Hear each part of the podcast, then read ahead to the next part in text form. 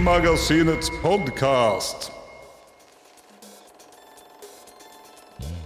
Velkommen til Filmmagasinets podkast. Mitt navn er Tor Aaberg, og i dag skal vi snakke om en norsk serie som heter Knekt. Og den handler kort fortalt om tre barndomskompiser fra Serp. Eller Sarpsborg, for de som ikke er liksom innvidd i Østfolds Dette, gleder. jeg tror det heter Sarpsborg. Du har rett. Jeg ser at jeg er ikke så innvidd. Eller Serp Vegas. Serp Vegas, Serp Vegas er, er bra.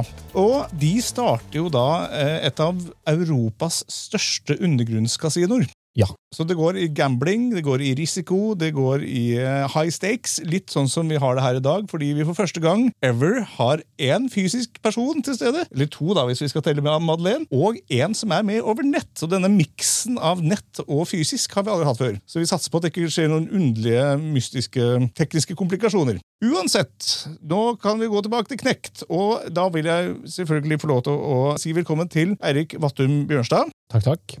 Som da står for både regi og manus, hvis jeg har forstått det riktig. Ja, jeg syns jeg har skjønt det. Ja, Og så har vi director of uh, photography, Emil Gurvin. Tusen takk. Og ikke minst så har vi med oss gode, gamle Madeleine Krogh. Du trenger ikke å si gamle selv om jeg har bikka 30. Gode unge. Gode unge, takk. Ja, gode, Takk, unge Madeleine. Krogh. Greit. Men ja, dere er jo begge to kjent fra den svært kjente og suksessrike serien Hvite gutter. Det stemmer. Der fikk, vi, Yes. der fikk vi lurt med oss Emil på sesong én, og det er vi jo veldig glad for. Fordi det hadde jo ikke blitt eh, så bra uten deg, Emil. Fordi det er digg å ha en fotograf som kunne skate når det er lavt budsjett, da, og som slenger kamera på skuldra. Fordi da får vi Mye skateboard-dolly. ja, da får vi, da får vi til å se litt fetere ut, selv om vi ikke har råd til noe dolly.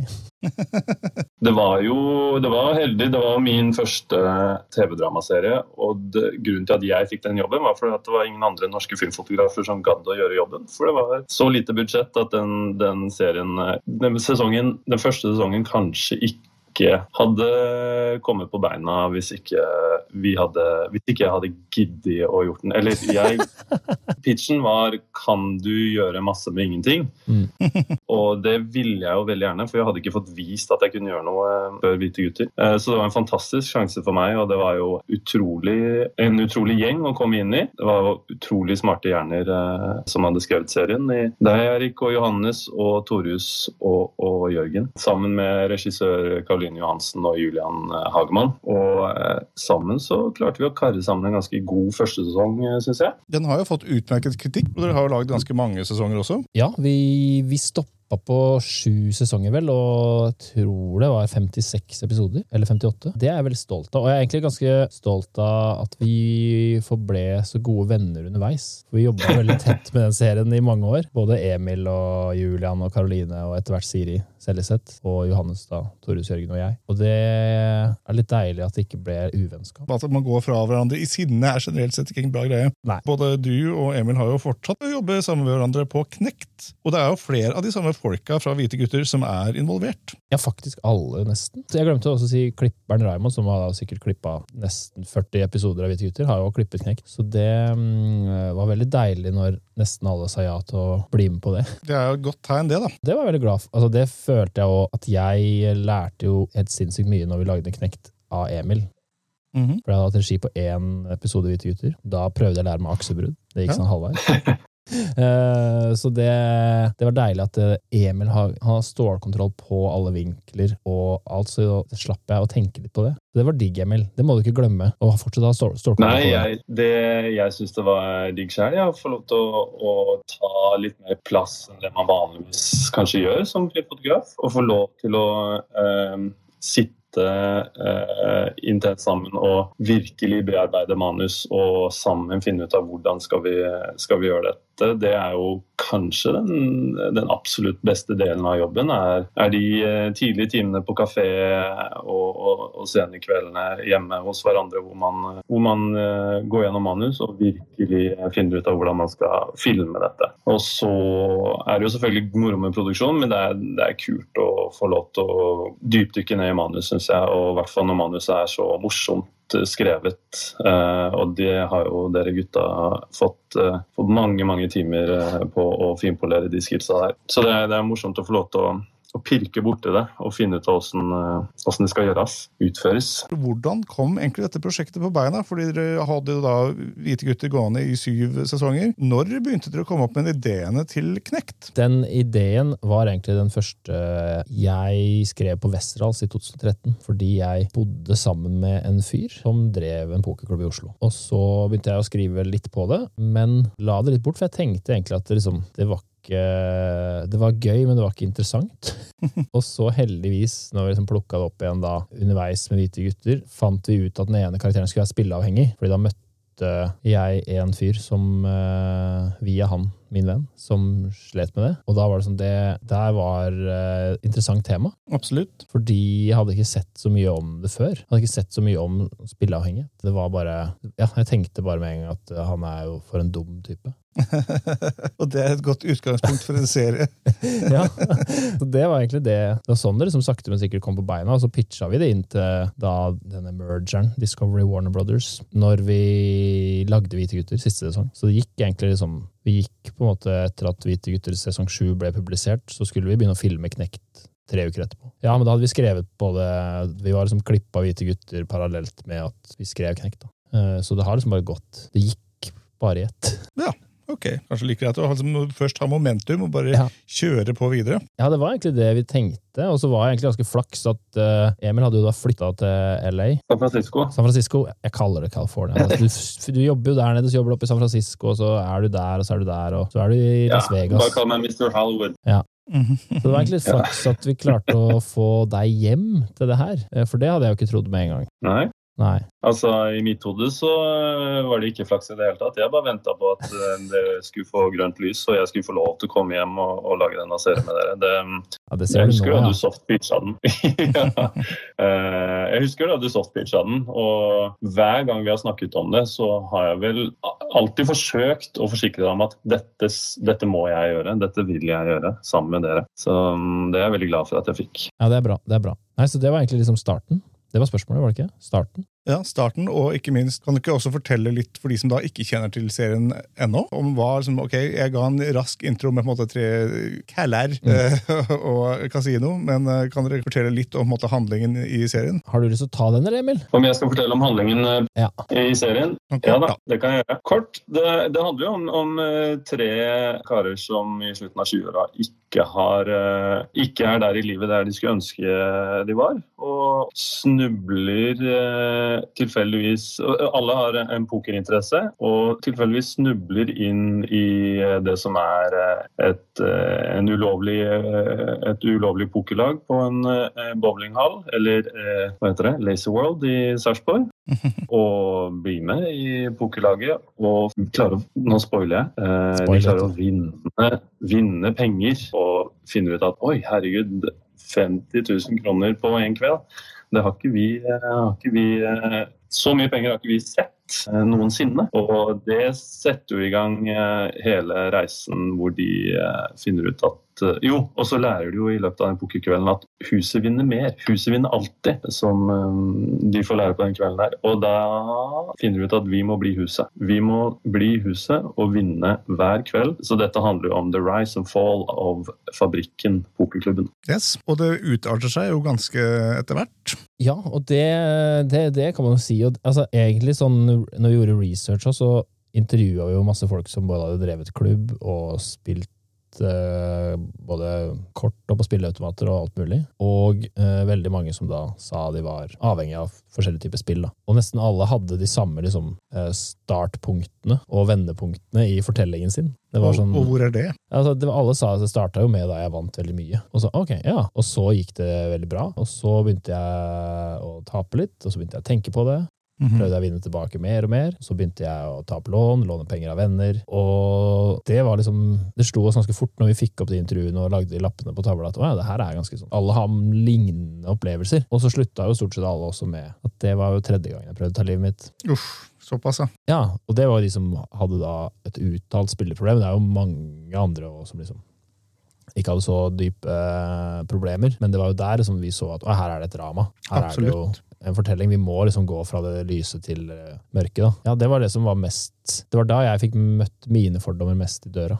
Ja, ja. Og jeg liker også at dere har et nummer man kan ringe hvis man har problemer med gambling. Sånn, I slutten av hver episode synes jeg er en sånn fin liten detalj. i tilfelle Hvis det er noen som ser denne serien og har problemer med den typen ting, synes jeg det var en sånn fin liten ting å legge inn. For at man kan faktisk kontakte noen og få Ja, hjelp. ja. Og det var liksom, De ville ikke dytte den plakaten i trynet ellers ville de la den inn fra episode fem.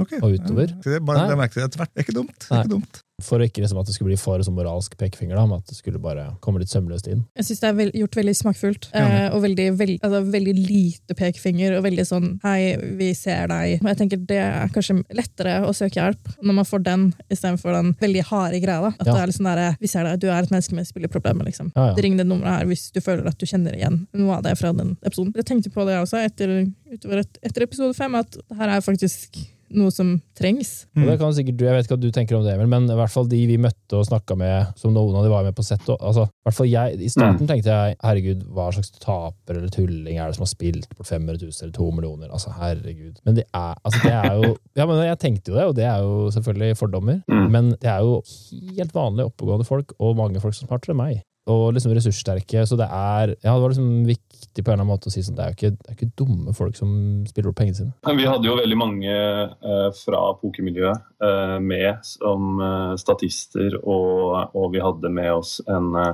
Ylva som var liksom eh, vår pokerkonsulent, som var med på de store pokerinnspillingsdagene. Og det er jo eh, et utrolig privilegium å få lov til å Vi var utrolig heldige som fikk med oss så mange dyktige pokerspillere, fordi hvis ikke så hadde vi ikke klart å skyte altså filme og, og formidle troverdige pokerscener. Og det var så kult å se hvordan, eh, hvordan de syntes det var gøy å få lov til å være med på denne serien også. Og spille uh, små roller, men også liksom spille små fake turneringer. Da, og om og om igjen spille samme pokerhånd Uh, og, og til og med levere veldig godt og troverdig skuespill. Eh, det er ikke gitt at man får det ut av statister. Um, så da var vi fantastisk heldige. Og det tror jeg også er takket være den gode og grundige researchen dere har gjort da, i, i skrivefasen, Erik, og, og de forholdene som dere har etablert i, i den prosessen. Å få ikke bare god innsikt, men også god kontakt med pokernettverket i Norge. Det var en kjemperessurs for oss. Ja, ja, De stilte jo opp helt sinnssykt, og det er viktig å si at um, det, jo, det var stor forskjell på de vi intervjua som var spilleavhengige, og de som stilte opp som pokerspillere. For det er jo sinnssykt få av de som spiller poker som er avhengige. Og de historiene fra de som var avhengige, fikk jo hjelp til gjennom Spilleavhengighet Norge-organisasjonen. Så si sånn, hvem er det som har lyst til å prate med oss? Ja, Det hadde jo aldri gått å liksom fremstille det på den måten, for vi har ikke noe, jeg har ikke noe erfaring med å tape så mye penger. Det er, det er kanskje en god ting, egentlig. Ja, Jeg har kanskje tatt 10 000 i løpet av mitt liv. Ja, ja nei, Jeg gambler fint lite sjøl, men jeg, jeg ser jo appellen, og det er derfor jeg ikke gjør det. Ja.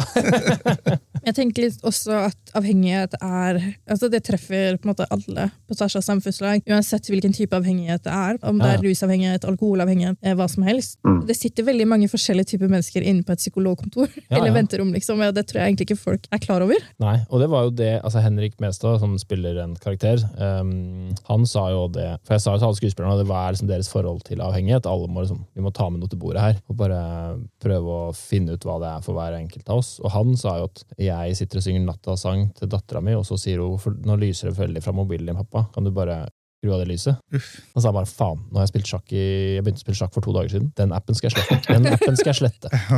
Fordi det går så fort, da. Ja, ja. Eh, og det kan jo også være sjakk på mobilen, eh, før man blir bare helt borte. Apropos Henrik Mestad, han har jo en fantastisk Mad Dog er en fantastisk rolle. den rollen er så morsom Ja, er og så veldig veldig gjennomført. Ja, Og kanskje en av mine favoritter. rett og slett. Den er bare koko, liksom. Det er godt å se. Det er. Persongalleriet er jo fantastisk i serien. Vi kan jo snakke litt om de forskjellige karakterene. Jeppe, kan vi, som er på en måte kanskje hovedrollen på mange måter. Ja, ja. Det, er- jeg vet ikke hva du tenkte om det, Emil, men eh, der var vel du, du var litt sånn skeptisk til Johannes i starten, var du ikke det? Jo, jeg eh, Etter å ha filmet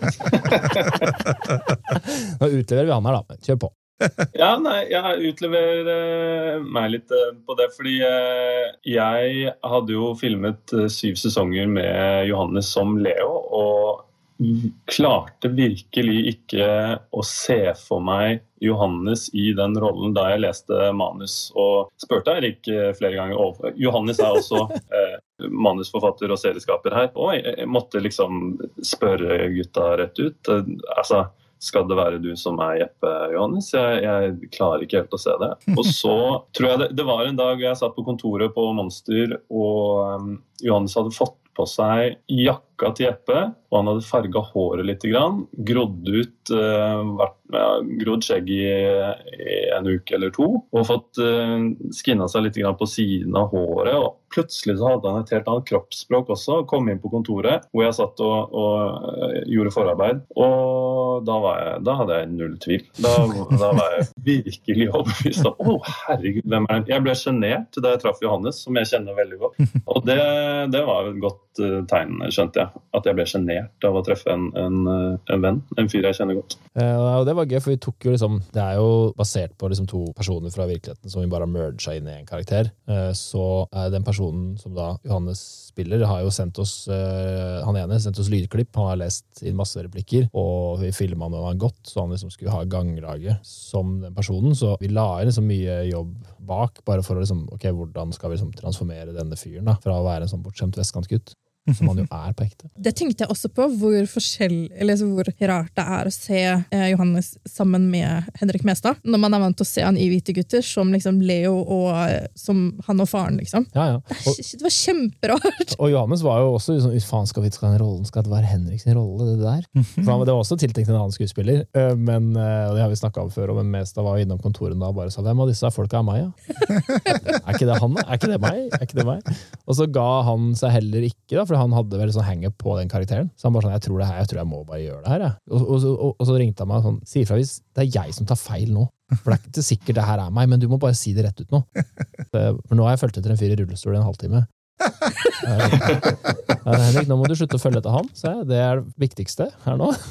Og så Det er deg. Herlig.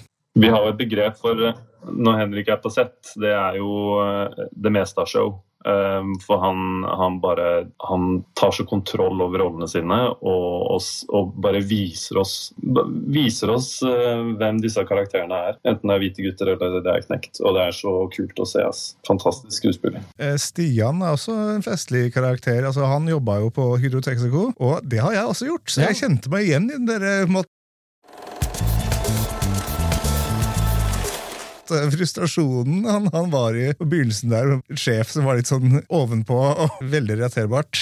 Jeg reagerte nok ikke akkurat sånn som han, med å rive av meg klærne og storme ut i sinne, men uh, du, du drømte om det? Jeg drømte om det. Ja, altså, det var et tidspunkt mens jeg jobba der, hvor jeg begynte å bytte ut ordet fiender og kunder i hodet mitt.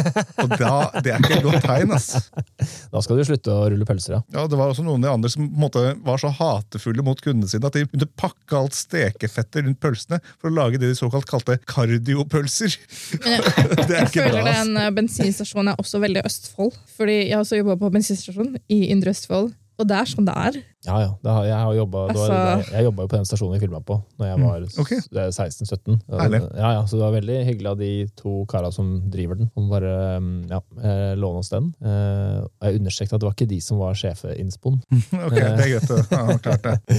Men det var det samme med Mikkel, da, som spiller Stian. Han òg var jo bare fra første sekund på audition, så var det sånn å ja, det er han. Det var liksom ikke noe tvil der. Og han bringer så mye fysikk til liksom, skuespillet sitt òg. Han, han, han, han, tar også liksom med de tilbudene i alle scener kommer med eh, sinnssyke tilbud, som er veldig deilig. Bare sånn, faen, kanskje jeg skal, skal ikke jeg begynne utafor, Eirik? Ikke, skal ikke jeg stå langt utafor nå? Er ikke, det, er ikke det jeg begynner med? Så det er litt sånn lik energi som Mestad på mange måter. Og så hadde ikke de jobba sammen siden de lagde Sønner. Som, uh, det er en stund siden, ja. ja. Så det, var liksom, eh, det føltes veldig riktig at det skulle være den gjengen. da. Ja, ja, Og så har vi jo til slutt B, som på en måte er den tredje. liksom... Ja, øh, og det var liksom gøy. Og for Dennis, da, som spiller karakteren B, han har jo, jo gjort veldig mye forskjellig. Og hans største liksom, øh, hans største liksom, øh, hva han sa i starten, at han var redd for at han ikke skulle være liksom morsom nok. Men han er jo bare så god skuespiller, og da kunne jeg bare kaste replikker til han underveis i scenene som var bare jokes vi kom på på sett. Og så bare proffe skuespillere, i motsetning til oss som spiller Hvite gutter. Ja, ja. Får til det. Og til og med hun, hun som spiller Ti, blir også utmerket. Altså, det er veldig mye gode roller. Ja, og, og Noko Koro skal jo liksom tipper jeg kommer til å gjøre masse framover. Det kan jeg se for meg. Ja, ja, Hun er også helt uh, strålende. Jeg syns det var veldig gøy å se uh, Dennis spille B, fordi jeg er vant til å se han i Pernie som barnevernspedagog. Og han, føler, han er litt sånn min helt i Pernie. Ja, ikke sant? Det er en sånn type barnevernspedagog jeg vil bli. da. Ja. Blanding av han og Pernie. Ja. Så bare liksom å se han i en sånn helt annen rolle syns jeg egentlig var veldig gøy. Fordi de er så innmari forskjellige. da. Ja, Han skylder jo fortsatt på oss uh, for at det gikk dårlig med dama, fordi han måtte, jeg tvang han til å klippe seg kort.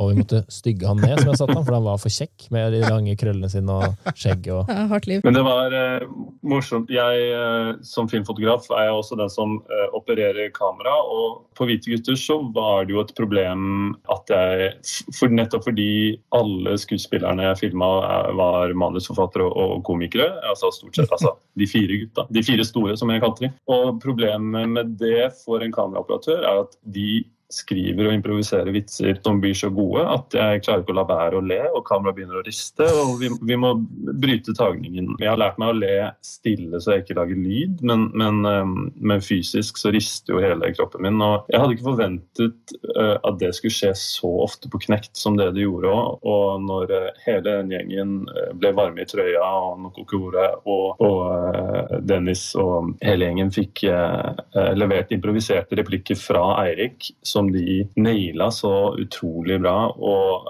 den, når de hadde den fine dynamikken sammen eh, i visse scener der, så ble jeg så tatt på senga av humoren som de klarte å skape og improvisere sammen eh, også, at eh, da måtte vi bryte noen tagninger på Knekt også, dessverre. Så, ikke så eh, mange. Ikke så mange, Emil. Ikke så mange som på Hvite gutter, men, eh, men, og det var jo kanskje den dualiteten ved Knekt-prosjektet som jeg var mest spent på. Um, det alvoret som vi har snakket en del om nå, med spilleavhengighet og, og ganske um, emosjonelle og triste scener og alvorlige uh, temaer, para med den, uh, den, humoren som jeg er veldig fan av selv, gjorde jo dette prosjektet ganske, ganske unikt og, og ble, uh, la grunnlaget for en, en serie som jeg hadde veldig lyst lyst til å filme. Hvordan lager man det universet der, og hvordan parer man de sjangrene der eh, visuelt. Da. Og det tror jeg kanskje lokka veldig mange av skuespillerne også ved prosjektet. De fikk lov til å spille på mange strenger her. Altså, Filmnerden i meg elsker cinematografien i Knekt, fordi den er så mørk og liksom dyster og bare liksom veldig visuell. da. Det er veldig, veldig, hygg, ja, det er veldig hyggelig å se. Det er veldig fint å se noe som er så gjennomført og gjennomarbeida som det Knekt er, altså visuelt. Fordi jeg føler ofte så er det ikke alle som De får det ikke til helt, men jeg syns Knekt har på en måte fått det til 100% med, altså, Jeg syns cinematografien er fantastisk. Men det er sånn filmnerden i meg så det og var sånn der, Å, det her er så bra. Nå var det jo, for å avsløre det også, uh, Madeleine av oss som anmeldte Knekt. Ja, ikke sant? Ja, ja så jeg så, så jo hele serien før alle andre. Og jeg likte den veldig godt. Jeg likte den veldig godt. Jeg likte spesielt avslutningen. Fordi jeg synes den hadde veldig, De siste tre episodene hadde veldig fint tempo. Mm. For det er sånne ting man legger merke til når man har sett veldig mye greier. da. Hvordan ting er klippa, hvordan ting er filma. Altså, jeg har tempo i serien, og jeg syns slutten var sinnssykt bra. Og veldig sånn kjempeintens. Men mm. jeg tenker på en måte at det kunne på en måte ikke slutta på noen annen måte egentlig. Nei, det, er bra, det er godt tegn. Rett og slett. Mm. Uh, så jeg syns den er dritkul. Enig. enig. Jeg så sånn litt nyligere enn deg, og jeg syns også kos, storkos med å se den. Ja, så bra. Det er veldig hyggelig å høre, da. Og så er det noe ja, med Østfold. det er noe med ja. Østfold. Jeg elsker å se Østfold representert på ja. skjermen. Hvor autentisk Østfold er det? Ganske. altså, Det er ikke helt lange, flate baller, men det forventa jeg heller ikke. Det var det eneste HBO-folka sa. Ikke ikke lag lange, flate baller. Nei, og det, det, det, tenker jeg det er veldig bra at dere ikke har gjort det. fordi vi trenger, altså, Bjørn Nagel, hvis du hører på det her, det er ikke meninga liksom, å disse deg, men lange, flate baller én, den var fin. Altså Resten så bare nei. Men jeg òg var altså det, det, Jeg elsker jo også Jeg vokste opp med lange, flate baller, og jeg elsker liksom komedien, men uh, jeg elsker også at det liksom har jo Det satte jo sitt preg på liksom inntrykk av Østfold. da. Ah, ja. Og liksom Raibon-karakteren og alt det liksom som har vært, har jo vært liksom, ja, fordumma det veldig. da. Ja, liksom ikke, ja, ja. Altså, Østfold blir på en måte ikke Det er ikke Raimond vi snakker om her, liksom. det er ja, en annen del da, som folk kanskje ikke helt mm. har et forhold til dessverre. Hva slags respons har dere fått fra publikum? og sånn? Jeg har fått egentlig ganske, jeg har fått mer respons på den serien her enn på Hvite gutter. Så det ble jeg litt overraska over. At det var veldig liksom, mange som bare sendte melding. Alt fra liksom, 60-åringer til uh, eh, 14-åringer. Så større spenn i alder, liksom? Ja, mye større. Mamma så den. Mm -hmm. ja, men, men det, det, Jeg vet ikke hvordan det har vært for deg, Emil, men jeg følte i hvert fall at uh, jeg ble litt sånn, jeg ble litt overraska over hvor mye det kom Siden vi har laga syv sanger av Hvite gutter, så har jeg blitt litt sånn vant til at det skal være en del respons. Men ikke ikke mm. så mye eh, fra så mange mm. forskjellige typer mennesker. Da. Ja, det, det, er, det, er, eh, andre deler av familien min som sender meg meldinger nå, og eh, med voksne mennesker kanskje også. Så, um, og det er er, jeg er fryktelig stolt av alt vi har gjort med Hvite gutter. Men, eh, men det føles på en eller annen måte litt mer personlig, det prosjektet her. For, for min del også, liksom. Og det kan, jo, det kan, jo, være fordi jeg også er fra Indre Østfold. Og eh, jeg hadde ikke Da jeg leste manus, så ble jeg overraska over at jeg ikke hadde sett Eh, mine hjemtrakter eh, representert på denne måten i, i eh, norsk popkultur. Jeg ble rett og slett overraska over, over, å innse at herregud, dette, dette er jo nytt. Dette er jo noe, noe fresht, noe jeg ikke har sett, sett før. Og ble veldig begeistra over å kunne vise det fram til folket. Og jeg håper at Østfold får en, en rebranding. Så var det fint å se, fordi det har fått ganske mange seere i Danmark og Sverige òg. Så det var litt fint å se at det funka i hele Skandinavia. Mm. Fordi vi ble jo litt sånn, altså Hvite gutter når de ble sluppet, så slapp de jo òg det i Sverige samtidig. Men så remaka de det, og så tok de bort vår serie og bare la den Pappas Boikar eh, ligge der. Og det samme i Danmark. Der slapp de Fars drenger, vel het det til slutt. Som også var en remake. Ja. da. Så nå var det deilig at uh, det ble sluppet i alle land, og så kan de ikke remake det på samme måte. remakes, ass. Jeg er ikke noen fan av greiene der. Altså, nei, jeg liker ikke det. Nei, så Derfor var det veldig fint å se at, um, ja, at uh, det funka der òg, da. Jeg har jo også vist det til Jeg har jo en harddisk med noen episoder som jeg har vist til noen amerikanske venner og, og kollegaer også. Og, drar, du og pitcher i USA, Emil? Jeg er ute på pitcherunde, prøver å selge det inn. Nei, men, men, det er kult å se at det, det flyr for de engelsktalende her borte også. At, at vitsene treffer. og De ler kanskje kanskje på litt sånn uventa tidspunkt. Uh, og det er jo fordi de har en annen humor og en annen kultur her borte. Men, um, men det er gøy, det òg. At uh, dæsken, der var det en vits jeg ikke visste om um, men det, det syns lysmesteren min var veldig gøy å se. Så det, det, er kult, altså. Hvis jeg skulle pekt ut noen av de liksom, øyeblikkene som var mest gøy å spille inn for dere under, underveis, hva vil dere trekke fram da, tenker dere? Jeg syns et øyeblikk som jeg eh, ble veldig glad på sett eh, da jeg fikk se første prøve når vi gjorde første tagningen av er det episode åtte.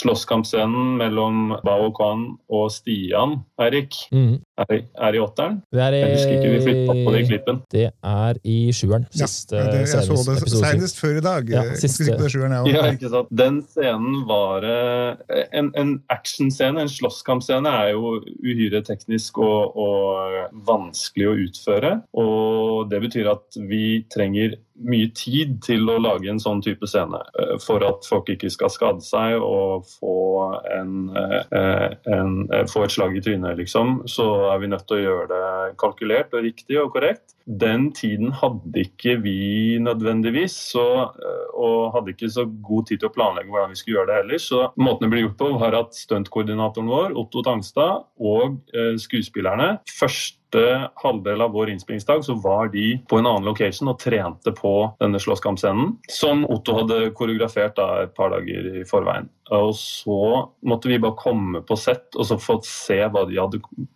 funnet ut av. Og improvisert finne ut av hvordan filmer vi denne dansen. Og det var så utrolig kult å se hvor først og fremst hvor, hvor, spennende og kreativt koreografert den slåsskampscenen var. Og så var det veldig deilig å filme første tagning. og Da, da forsøkte vi å liksom prøve å dekke inn hele slåsskampscenen med litt sånn eh, ja, med håndholdt eh, kamerastil. Og bare se at oi, dæsken, det er veldig mye av det her som funker skikkelig bra. Um, så dette kan vi klare å filme på fire timer. Da ble jeg, eh, ble jeg veldig glad. og det, var, det er et av mine favorittøyeblikk på sett. Og så kommer det litt sånn snø på et tidspunkt. Deilig flaks. Deilig flaks. Det er mye deilig flaks eh, i, i norsk TV. Det skal til. um, men eh, nei, det, altså, det, morsomste var det er faktisk, tror jeg, det var når eh, vi skjønte hvor morsom Og Dennis skjønte sjøl hvor morsom han var. Det er en scene i episode fire hvor han skal bli konfrontert med at han har kjøpt et smykke til ti. Og da husker jeg bare at alle rundt bare sto sånn faen, nå holder alle på å begynne å le. Av en sånn liten, bitte liten ting. At han ikke tør å innrømme at han har gjort det. Og så innrømmer han at han har gjort det. Og så er det ikke fordi han var forelska. Det er bare fordi han syntes du var så flink til å jobbe, og alle skal få smykker etter hvert. Det var sånn, da følte jeg at, eh, Ja, det rista kamera, og da følte jeg at da, nå hadde de liksom Nå nailer de det bare. Nå er det bare å lene seg tilbake og se på. At de bare, de bare gjør det. Og det er veldig digg å kunne bare liksom se på flinke folk. Bare løfte det man har skrevet, og bare sånn Å ja, de gjør det så bra. Mm. Ja. Mm. Og så gøy når Iang lener seg inn på slutten her og lurer på når han skal få smykke også. Så nei, det var liksom de, Ja, de knakk de scenene der veldig bra. Det, etter hvert så fløt det liksom Ja, da var det veldig deilig å ha regi. Hvordan er utsiktene for en andre sesong da, så langt? Det vet, jeg vet ikke helt ennå. Um, vi går liksom bare og venter på responsen fra liksom HBO-systemet. Ja. Og så har de i hvert fall altså det vi har fått, er jo at kvaliteten er liksom bra nok. Fint. Så det er jo, Da vet vi jo at vi har gjort jobben vår. Så da kan jeg i hvert fall si at da kan vi slappe av litt med det. Fordi da er det litt sånn opp til de som skal finansiere og få på plass ting. I så fall så er jeg veldig spent på hvor dere tar det da, med på en måte hvor gærent det går i første sesong. Hvor skal dere, hvor, hvor skal Åh, det gå da? kan du lure! Ja, Nei, jeg har, vi har skrevet et outline på tre sesonger. Har det, ja. Ja, Så vet reisen er egentlig liksom Den er uh, tenkt fra start til slutt, den. Så siste scene i, i sesong tre er liksom skrevet. Ok, ok, ok. Spennende, spennende å høre. Ja, Mm. Så får vi se om, eh, om alt, eh, alle brikkene faller på plass, sånn at det går bra. Hvem er det vi må maile da? Hvem, hvem i Discovery er det, Ja, hvem, kan vi mase på nå? ja, hvem, er det, hvem er det vi skal sende 1000 mailer til nå? Hvem skal vi spamme ned? Eh, Det er spam ned de der folka i det systemet der. Altså, det tror jeg bare er å, det er bare å gjøre. Jeg tror ikke det er så veldig vanskelig å finne mailadressene. Eller? Ja, okay. ok. Sier du at du skal drive og harasse dem? Ja. Nei, harass, det- bare sånn nei. positiv harassment. Det, det kalles uh, hva er det det heter? Bare oppmuntre. Ja, oppmuntre. Aktiv oppmuntring. Aktiv hard oppmuntring. Ja, det er fint. Jeg håper jo at vi får til det. Eh, Det hadde vært veldig kult. Det har vært veldig gøy. Ja. Har dere noen andre prosjekter? en måte, har, har dere noe mer i gjære? Noe dere brygger på? Ja, eh, Kan, kan du si ting, du, eller? mm, Jeg kan ikke si ting. Vet du hva? Du, Jeg kan ikke si ting, men det er ting jeg er begeistret over, og, og som jeg tror kan bli fett. Jeg kan dessverre ikke si ting. Men jeg er, jeg er jo fryktelig begeistra over de potensielle tingene som, som kommer til å skje der, der hjemme eh, i nærere fremtid. Med å fortsette å jobbe videre sammen med, Eirik og resten av gjengen fra Hvite gutter. så bra. Vi er ganske vant til at folk ikke kan si ting. Altså, det, det forekommer ganske hyppig her på podkasten. Det bra. Fordi sånn er det ofte når folk ikke har ja, Men uh, vi tolker svaret ditt som at det kommer ting som du er interessert eller som du er gira på, men ikke kan prate om. Det er fint. Rett og slett. Det, det, Bra. Det, det er politikersvaret her. Eh, hva med deg, Erik? Har du noe på lur? Ja, vi har, absolutt har noe på lur. Um, nå har vi jo de siste ukene det har vi brukt på å lage podkast. Ja, gratulerer. Takk, takk. Hjemme hos Torjus fra Hvite gutter. Eh, så det har vi kosa oss med. Eh, og så begynner vi å skrive en ny TV-serie nå 1. desember. Er den 100 hemmelig? Den er også 100 hemmelig, fordi jeg tror ikke alt er klart der ennå, men vi bare, vi bare begynner, vi. Ja, jeg tror det er lurt. Det er veldig mange som ikke begynner, så jeg Ja. tror faktisk det er egentlig veldig smart å gjøre det. Ja, Det gleder jeg meg veldig til. Dere får holde oss oppdatert, det er det jeg tenker. så, så fort vi har fått mail fra de folka i Discovery-systemet Ja, ja. som sitter på pengesekken Si ifra, så kan vi utbasunere det til folket. Ja. er det noen steder folk kan følge dere på noen sosiale medier eller andre steder? Helst ikke på gateplan, kanskje? Men Har du noen stalkers eh, borti San Francisco, Emil? Det er veldig lite stalkers eh, her, altså. Um, jeg er på Emil Gurvin på Instagram. Det er det eneste jeg er på. Jeg har hatt pause fra Instagram, men etter at vi begynte med podkast, Ja. så er jeg tilbake der. Hei, Og nå har jeg begynt å legge ut litt ting, fordi Torjus sier at jeg må. så fint. Men det er bra, da vet folk hvor de kan finne dere hen. Har noen som har noe mer på hjertet? Hvis ikke så snitt jeg begynner å runde av nå. Se knekt. Ja, se knekt. Enkelt og greit. Det, det, er, det er bra siste ord, det. Ja, det, se knekt, lik og del. Er det ikke det vi pleier Ja, å se si? knekt, lik og del. Jeg håper ikke dere føler dere helt knekt etter å ha sittet og prata en stund nå.